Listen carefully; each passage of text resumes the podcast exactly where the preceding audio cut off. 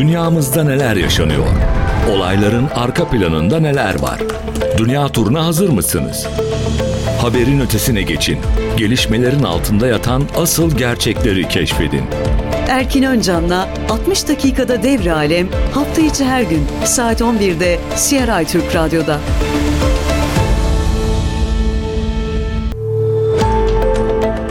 CRI Türk Radyo'dan herkese merhabalar. Ben Erkin Öncan. 60 dakikada Devre Alem başlıyor. Haftanın bu yeni ilk gününde dünya turumuza hızla başlıyoruz. İsrail-Filistin çatışmaları sabit konularımızdan.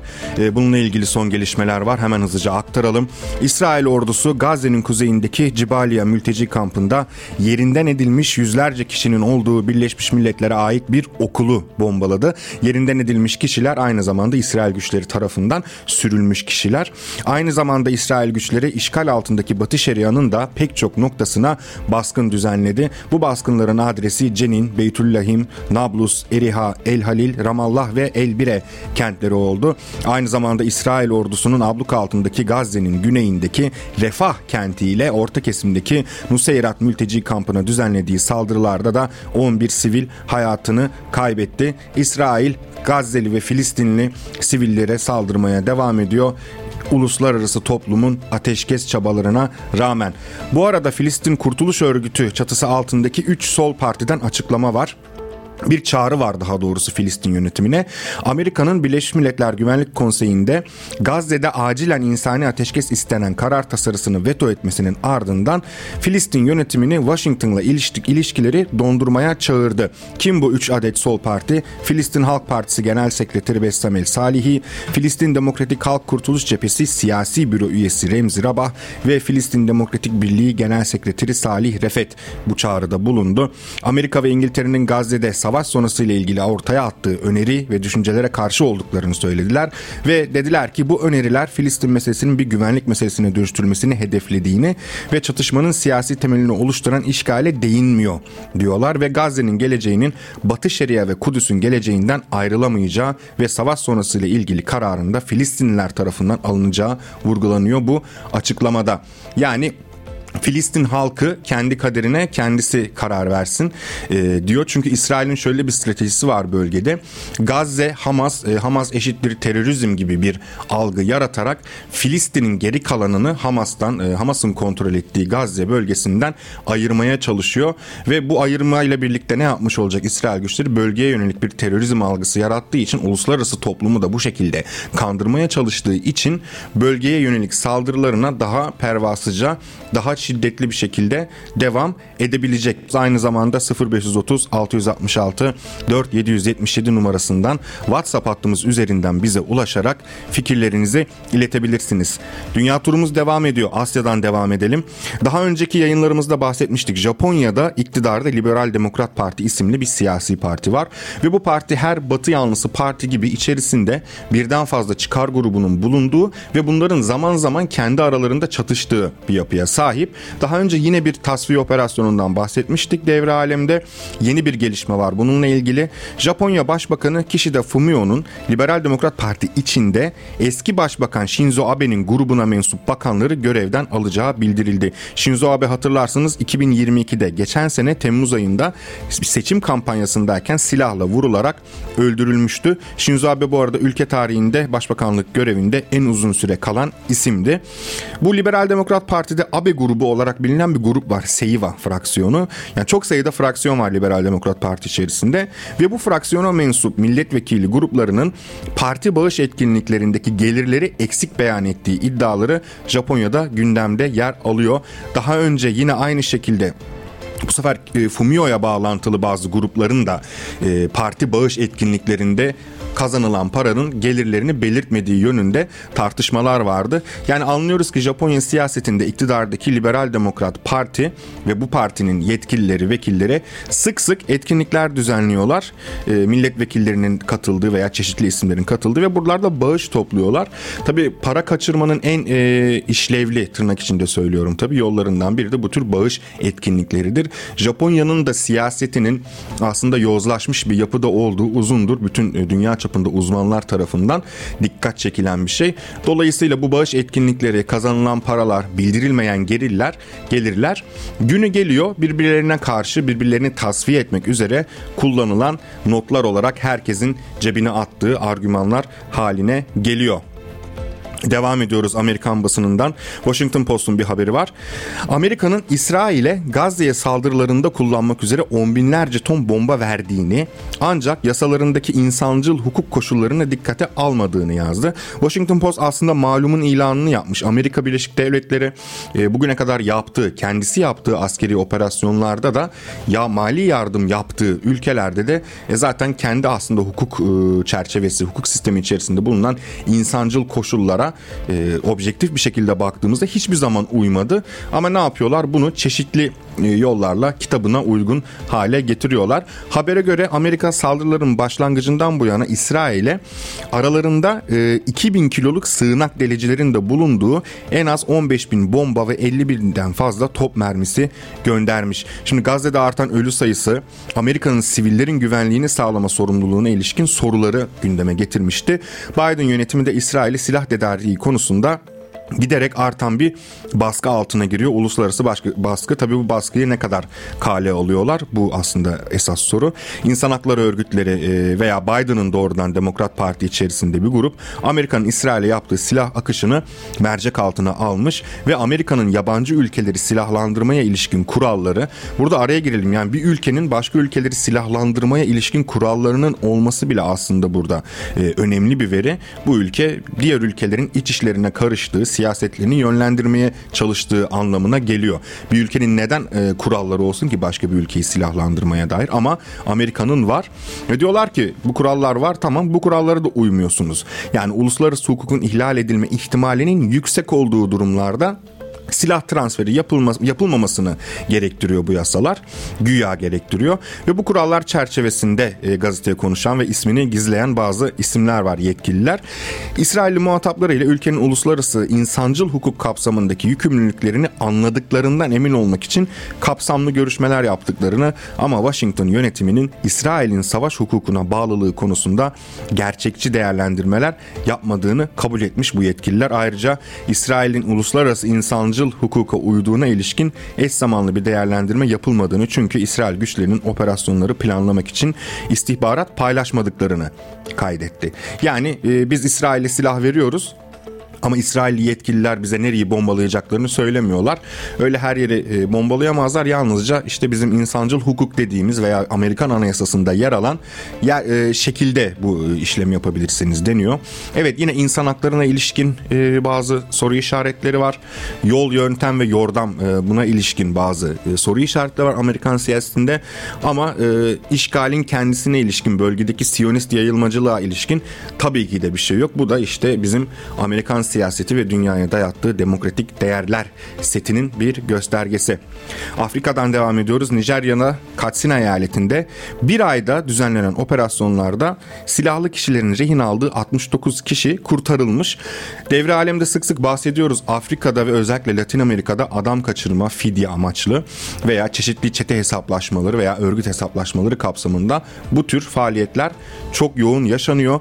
Nijerya'da da Buna karşılık çeşitli hamleler yapılmış. Polis sözcüsünün bir açıklaması var. Aliyu Sadık yaptığı açıklamada eyaletin farklı bölgelerinde Katsina eyaleti demiştik. Silahlı kişilere yönelik operasyonlar düzenlendiğini, çoğunluğu çocuk olan 69 kişinin kurtarıldığını kaydetmiş ve aynı zamanda 130 silahlı kişi yakalanmış e, bu operasyonlar sonucunda ve kararlılık beyanında bulunmuş. Biz kararlı bir şekilde bu operasyonlarımıza devam edeceğiz deniyor.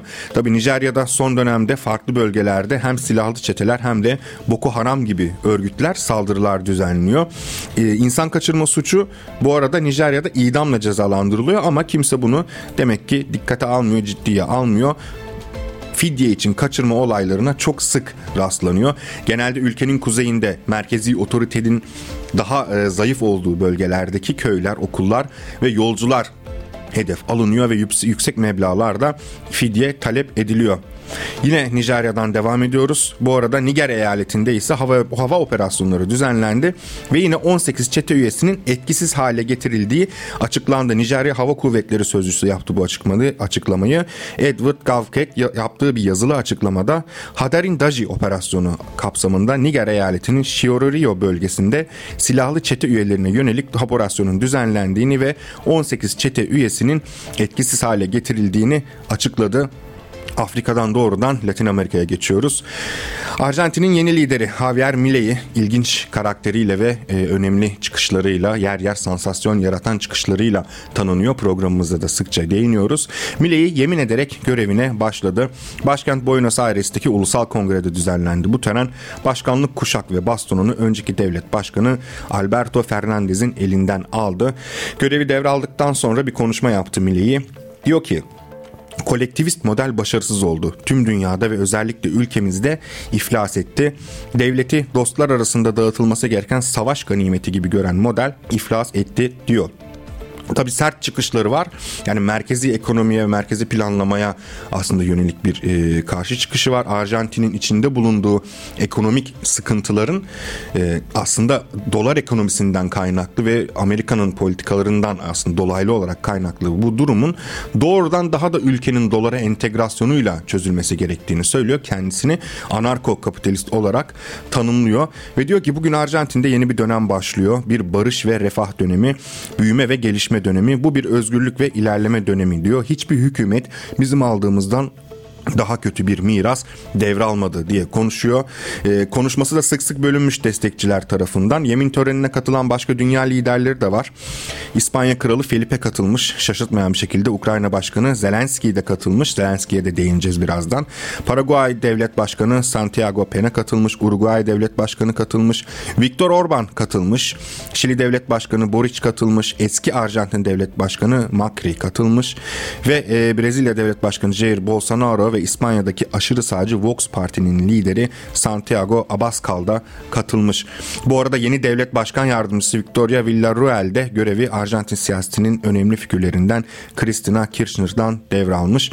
Bu arada Nikaragua ile ilgili bir gelişme var. Arjantin'de devlet başkanlığı seçiminin kazanan Milei'nin Nikaragua hükümetine yönelik sözlerini gerekçe göstererek Buenos Aires Büyükelçisini de geri çekti. E, Milei bu e, biraz karşı durduğu, ilişkileri keseceğini söylediği ve solcu dediği hükümetler arasında Nikaragua hükümeti var. Nikaragua hükümeti de e, madem öyle ben de elçimi geri çekiyorum demiş.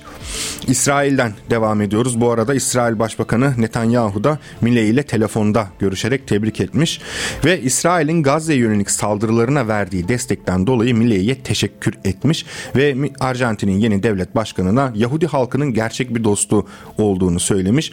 Tabii Milei daha önce İsrail ve Amerika'ya yönelik açıklamaları vardı. Biz de burada aktarmıştık. Sadece açıklamalar değil. E, hem Arjantin'de hem de Amerika ziyaretinde hahamları yani Siyonist e, hahamları özellikle ziyaret etmişti. Kippa takmıştı başına Yahudilerin ünlü e, şapkası diyelim ve İsrail'e yakın politikalar e, güdeceğini Amerika ve İsrail'e özellikle açıkça beyan etmişti. Netanyahu da bu yeni müttefiki diyebileceğimiz lideri arayarak tebrik etmiş. Zelenski de yemin törenindeydi. Zelenski ayrıca Paraguay, Uruguay ve Ekvadorlu mevkidaşlarıyla bir araya geldi. Sosyal medya hesabından duyurdu bu e, görüşmeyi. Temaslarda bulunmak üzere bulundu. Arjantin'de Paraguay lideri, Uruguay lideri ve Ekvador Cumhurbaşkanı Daniel Noboa ile görüştüğünü belirtmiş. Amerika'dan devam ediyoruz. Amerika Dışişleri Bakanı Antony Blinken İsrail'e acil olarak yapılan tank mühimmatı satışını savunmaya devam ediyor. E, buna karşı çıkılıyordu artık Amerikan ekonomisinin çok belini büktü diye. Ve kongreye İsrail, Ukrayna ve diğer ulusal güvenlik öncelikleri için dikkat ediniz mi? Amerika'nın ulusal güvenlikleri bu arada nedense her zaman kendisinden yüzlerce binlerce kilometre uzakta oluyor. Neden öyle oluyor? Çünkü Amerika'nın bölgede çıkarları var, bölgedeki e, faaliyetleri var ve askeri gücü var. Ve bu ulusal güvenlik öncelikleri için 100 milyar dolardan fazla yardımın hızla onaylanması çağrısında bulundu. Tabi kongrede çeşitli direnişler var hem e, cumhuriyetçiler hem de demokratlar arasında ama Amerika'nın bu şahin politikacıları diyorlar ki acele edin elinizi çabuk tutun ne tartışıyorsunuz bunlar bizim ulusal güvenlik e, başlıklarımız. İsrail şu anda Hamas'la savaş halinde diyor Blinken biz de İsrail'in Hamas'a karşı kendini savunmak için ihtiyaç duyduğu şeylere sahip olduğundan emin olmak istiyoruz diyor. Şimdi bu cümleyi alın 2020'de e, 2022'de başlayan Rusya-Ukrayna savaşında Ukrayna'ya İsrail'in yerine Ukrayna koyun aynı şey. Yine Amerikan siyaseti açısından düşünürsek e, İsrail'i kaldır Ukrayna'yı koy Ukrayna'yı kaldırın Libya'yı koyun aynı şey Libya'yı kaldırın Vietnam'ı koyun aynı şey Vietnam'ı kaldırın Çin'i koyun aynı şey Amerika her zaman kendi emperyalist politikalarını bir ulusal güvenlik iki hedef aldığı bölgenin e, demokrasi veya kendini savunma yapısı gibi argümanlarla kullanmaya çalışıyor.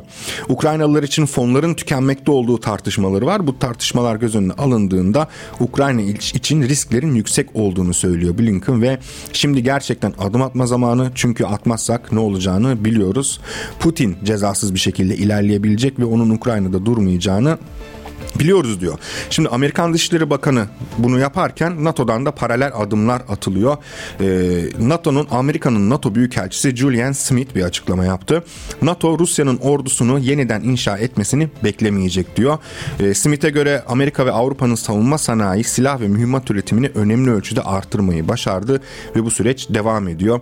Diyor ki Rusya Letonya'yı veya başka bir NATO müttefiğini her tehdit ettiğinde bunu çok ciddiye alıyoruz. Kimse bunu görmezden gelmiyor ya da hafife almıyor diyerek NATO'nun genişleme çabalarının bu genişleme stratejisinin devam edeceğini bunun da Amerika'nın yani NATO'nun en büyük e, e, üyesi diyelim bunun doğrudan desteğiyle devam edeceğinin altını çizmiş oluyor. Zelenski Ukrayna demişken e, Güney Amerika'da Arjantin'de katıldığı devlet başkanlığı töreninden sonra temaslarda bulunmuştu az önce söylediğimiz gibi. Zelenski Amerika'ya da gidiyor.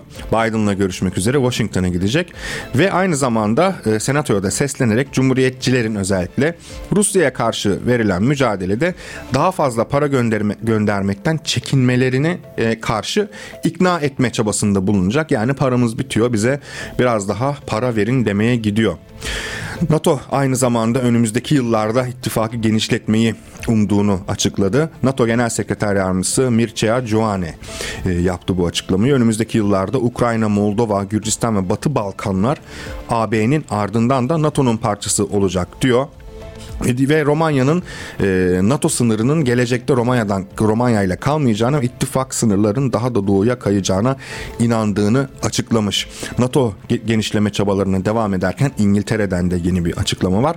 Karadeniz'de güvenliği artırmak amacıyla Ukrayna'ya iki Sandown sınıfı mayın tarama gemisi göndereceğini duyurdu ve bu Kiev'in gemileri Birleşik Krallık İhracat Kredi Ajansı aracılığıyla satın alması gerekiyor.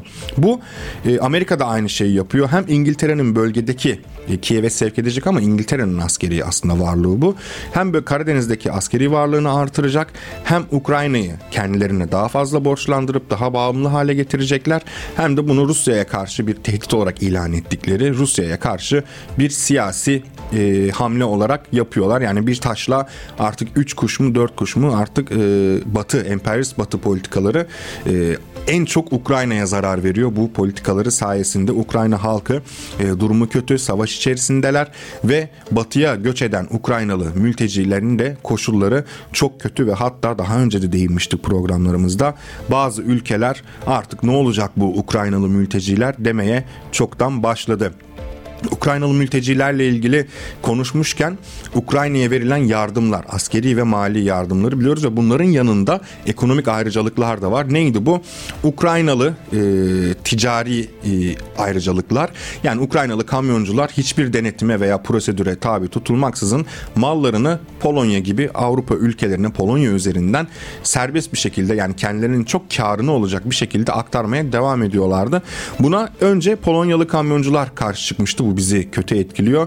Prosedürler ve kurallar yeniden getirilsin diye. Hatta öyle kitlediler ki sınırı Polonya'daki siyasi liderlik de Avrupa Birliği'ne bu çağrıyı yapmıştı. Bu regülasyonlar yeniden getirilsin diye. Polonyalı kamyonculara Macar taşıyıcılar da eklendi.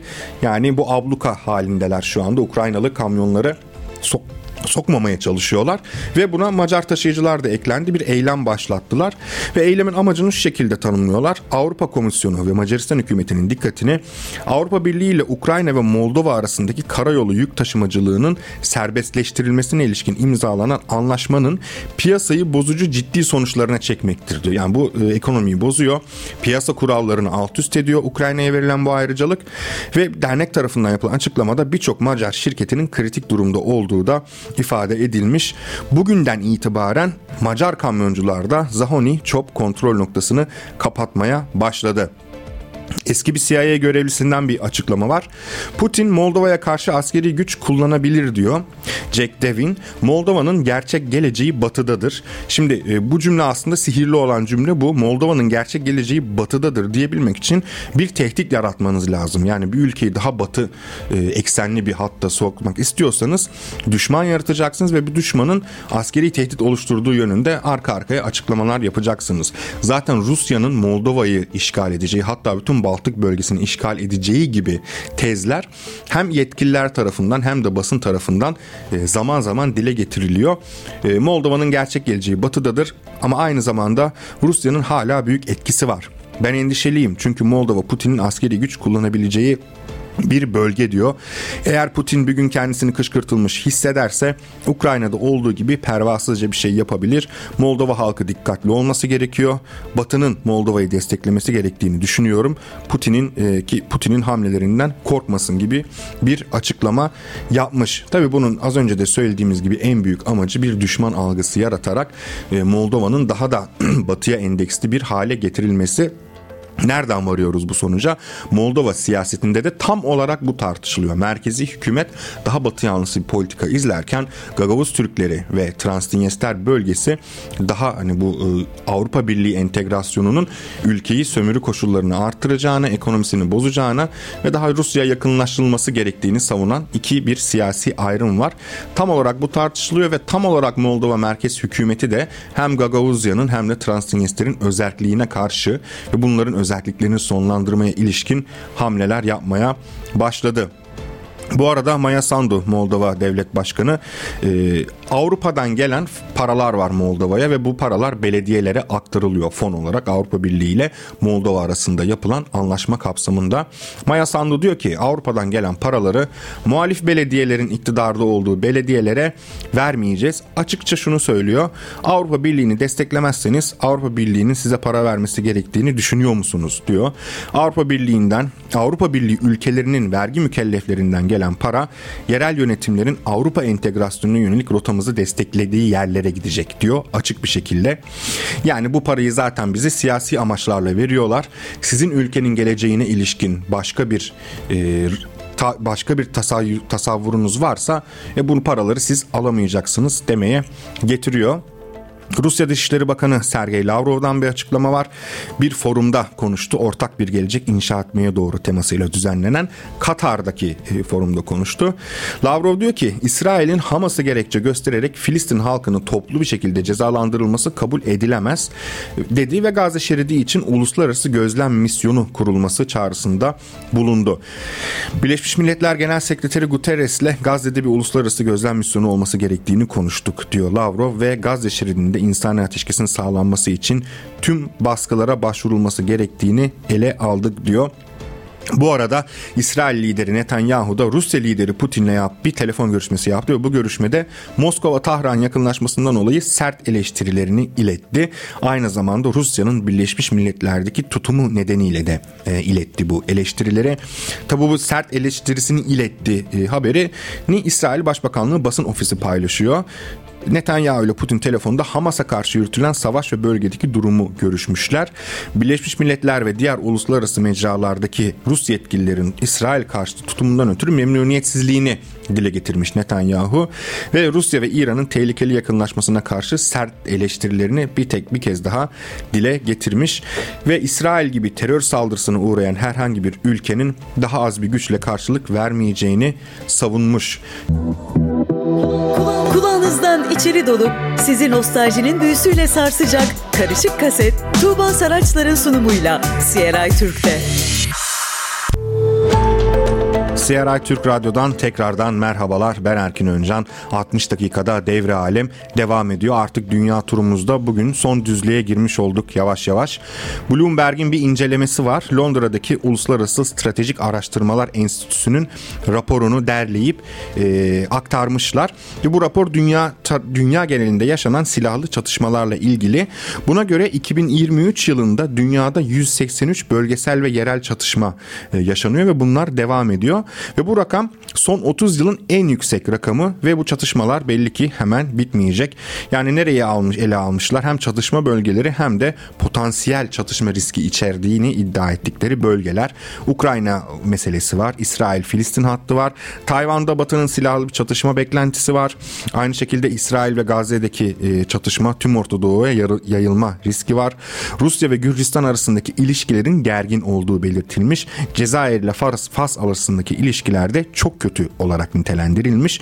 Raporda aynı zamanda Pakistan'daki iç olaylar, terörizm eylemlerinden bahsediliyor ve Hindistan hükümetindeki, Hindistan içerisindeki e, Müslümanlarla Hindular arasındaki yer yer gündeme gelen çatışmalar gibi e, sıcak temas hatlarına yer verilmiş. Bu arada çatışmalarda ölenlerin sayısı %14, şiddet içeren olayların sayısı ise %28 artmış bu zaman diliminde.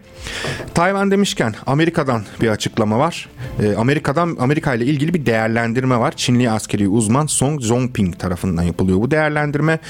Diyor ki Amerika gelecekte Tayvan'la askeri işbirliğini genişletmeye devam edecek ve adanın gerekirse güç kullanılarak yeniden birleşmeye direnme yeteneğini geliştirmek için askeri alanda daha aktif bir şekilde yer alacak. Amerika Tayvan'ı silahlandırarak bundan faydalanmak ve adayı Çin'i kontrol altına almak için bir piyon olarak kullanmak istiyor demiş Çinli askeri uzman. Tayvan denen bölge zaten Çin devriminin ardından kurulan defakto bir yönetim Birleşmiş Milletler'de de büyük oranda tanınmıyor. Bu meselenin sıcak kalmasının bir gerilim haline gelmesinin en büyük sebebi ise Amerika'nın bölgeye ilişkin politikaları. Amerika bölgeyi uzun yıllardır silahlandırıyor. ve Bölgeyi bir ileri üs olarak kullanmaya çalışıyor. Neredeyse bir e, bir ada orası ama orayı bir savaş gemisi olarak kullanmaya e, çalışıyor. Bu gerilimi de önümüzdeki dönemde takip edeceğiz. Kazakistan'dan devam ediyoruz. Kazakistan'ın aslında dengeci e, görünen politikalarından sık sık bahsediyoruz ve politikanın çeşitli e, çıktıları oluyor. Kazakistan'da bir fon vardı. Ukrayna'yı desteklemeye yönelik kurulmuştu e, bu fon ve e, Kazakistan'ın Atrav bölgesi İhtisas Ekonomi Mahkemesi askeri çatışmalardaki mağdurlara fon e, verilmesi, para aktarmak üzere kurulan e, Glory to Ukraine diyorlar ve de ya Slava Ukrayni, Ukrayna'ya şan vakfı diye bir vakıf var. Bu vakfın kapatılmasına karar verdi. Orta Asya'dan devam ederken Asya'ya geçelim. Yine Amerika, yine Asya diyoruz. Soğuk Savaş'tan bu yana ilk kez Amerika Asya'ya kara füzeleri, orta menzilli füzeler konuşlandırılacak. Amerika'nın Hint Pasifik Komutanlığı temsilcisi Rob Phillips yaptı. Bu açıklamayı Pentagon'un bunu 2024 gibi bir yani çok yakın bir tarihte yapmayı planladığını açıkladı. E, neler var? Standart e, Missile 6 füzeleri var veya Tomahawk seyir füzeleri var. Bunların kara versiyonlarından bahsediliyor. Yani menzilleri 500 ile 2.7 7 bin kilometre arasında bu füzeler. Yani kime karşı konuşlandırılacak bu füzeler? Tabii ki de Asya'da olduğuna göre Çin'e karşı veya Kuzey Kore'ye karşı caydırıcılığı e, bu şekilde ifade ediyor ediyorlar. Güçlendirmek amacıyla yerleştirilecek. Tabii e, Philips, Rob Philips bu tür füzelerin, füzelerin konuşlandırılabileceği kesin zamanlamayı ve yerleri açıklamıyor. Uzmanların ise bazı tahminleri var. Ne mesela öncelikle Guam'daki Amerikan e, üslerine yerleştirilebilir diyorlar bu füzeler. Aynı zamanda Amerika'nın yine tırnak içinde söylüyoruz güvenlik işbirliği geliştirdiği Japonya ve Filipinler e, bölgede bir silah çatışma çıkması durumunda e, Çin'in hedefi haline gelmekten korktukları için bu e, ifade bu. Kendi topraklarında yeni Amerikan üsleri veya yeni Amerikan askeri varlığını kabul etme konusunda ise hala isteksizler. Çünkü bölgedeki aslında meselenin Amerika'nın savaş politikaları olduğu aşikar. Bölgede bazı ülkeler Amerikan tarafıyla yakınlaşsa da e, kendi ülkelerini, kendi topraklarını e, savaş bölgesi haline getirmek istemiyorlar. Aynı Ukrayna'ya yapılan gibi. Yine Orta Asya'ya dönüyoruz. Türkmenistan Cumhurbaşkanı Serdar Berdi Muhammedov, Türkmenistan'ın Amerika ile geleneksel olarak dostane ilişkilerin geliştirilmesine büyük önem verdiğini söylemiş.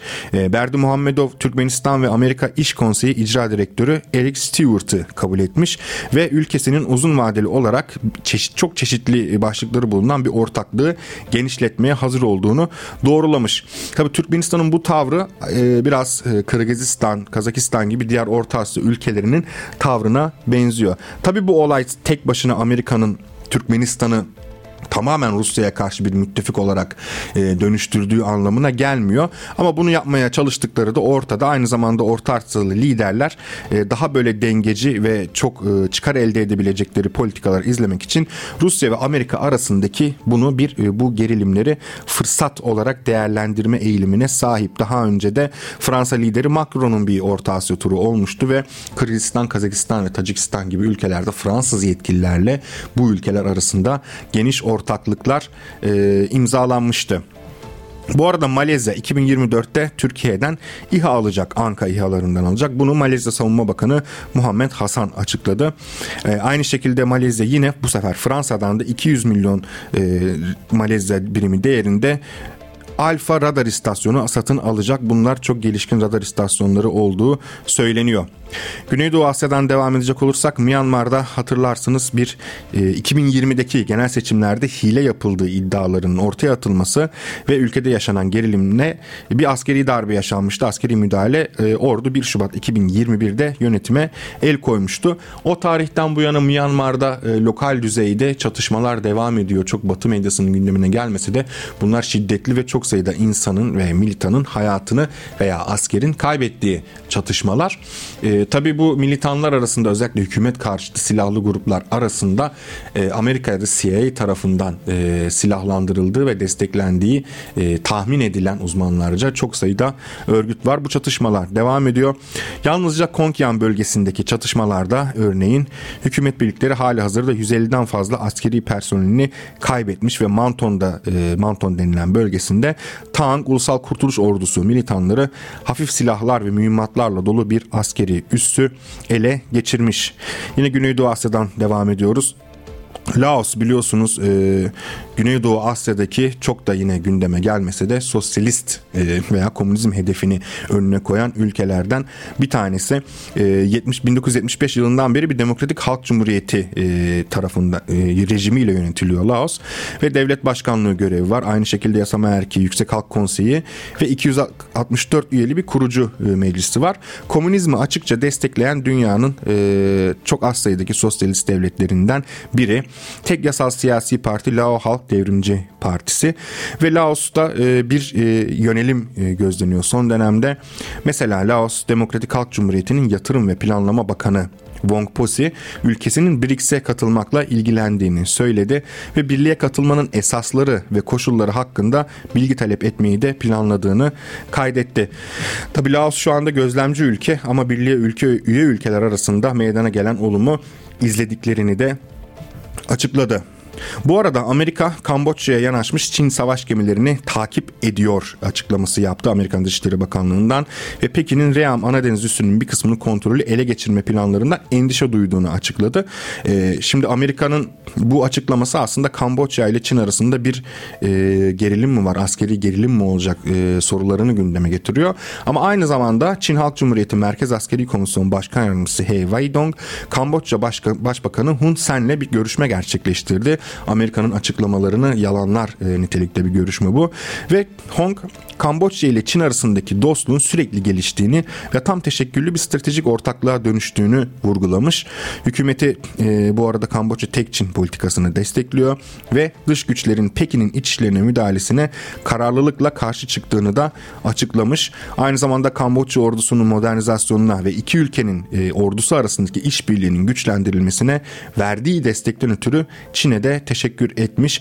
He ise Çin'in Kamboçya'nın gerçek dostları olduğunu söylemiş. İki ülke liderlerinin e, iki ordu arasındaki işbirliğini üst düzeye ulaştırdığını, etkileşim mekanizmalarının oluşturulduğunu, ortak tatbikatlar ve personel eğitimlerinin yürütüldüğünü de vurgulamış ve Çin'in Kamboçya ile çalışmaya, koordineli planlamayı güçlendirmeye ve çok taraflı işbirliğini geliştirmeye istekli olduğu da söyleniyor.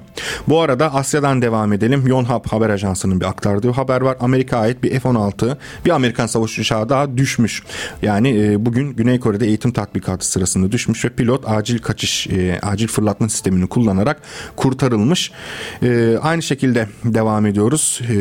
İran'dan bir gelişmemiz var.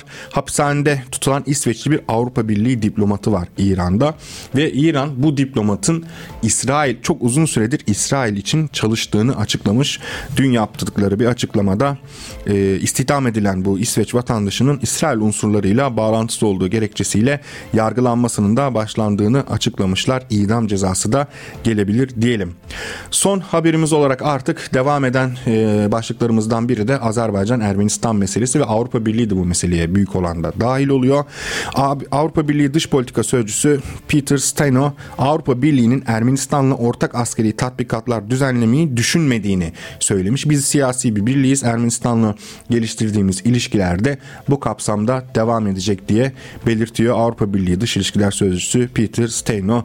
Azerbaycan-Ermenistan gündeminde şu an e, sular durgun görünüyor ancak orada da ne yazık ki hala çatışma potansiyeli var. Bu hem Ermenistan hükümetinin e, çizdiği rotayla hem de Azerbaycan'ın kontrolü yeniden ele geçirdiği Karabağ bölgesindeki faaliyetleri tarafından şekillenecek diyelim.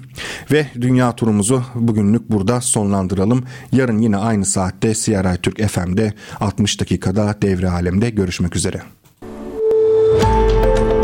Dünyamızda neler yaşanıyor? Olayların arka planında neler var? Dünya turuna hazır mısınız? Haberin ötesine geçin. Gelişmelerin altında yatan asıl gerçekleri keşfedin. Erkin Öncan'la 60 dakikada devre alem hafta içi her gün saat 11'de CRI Türk Radyo'da.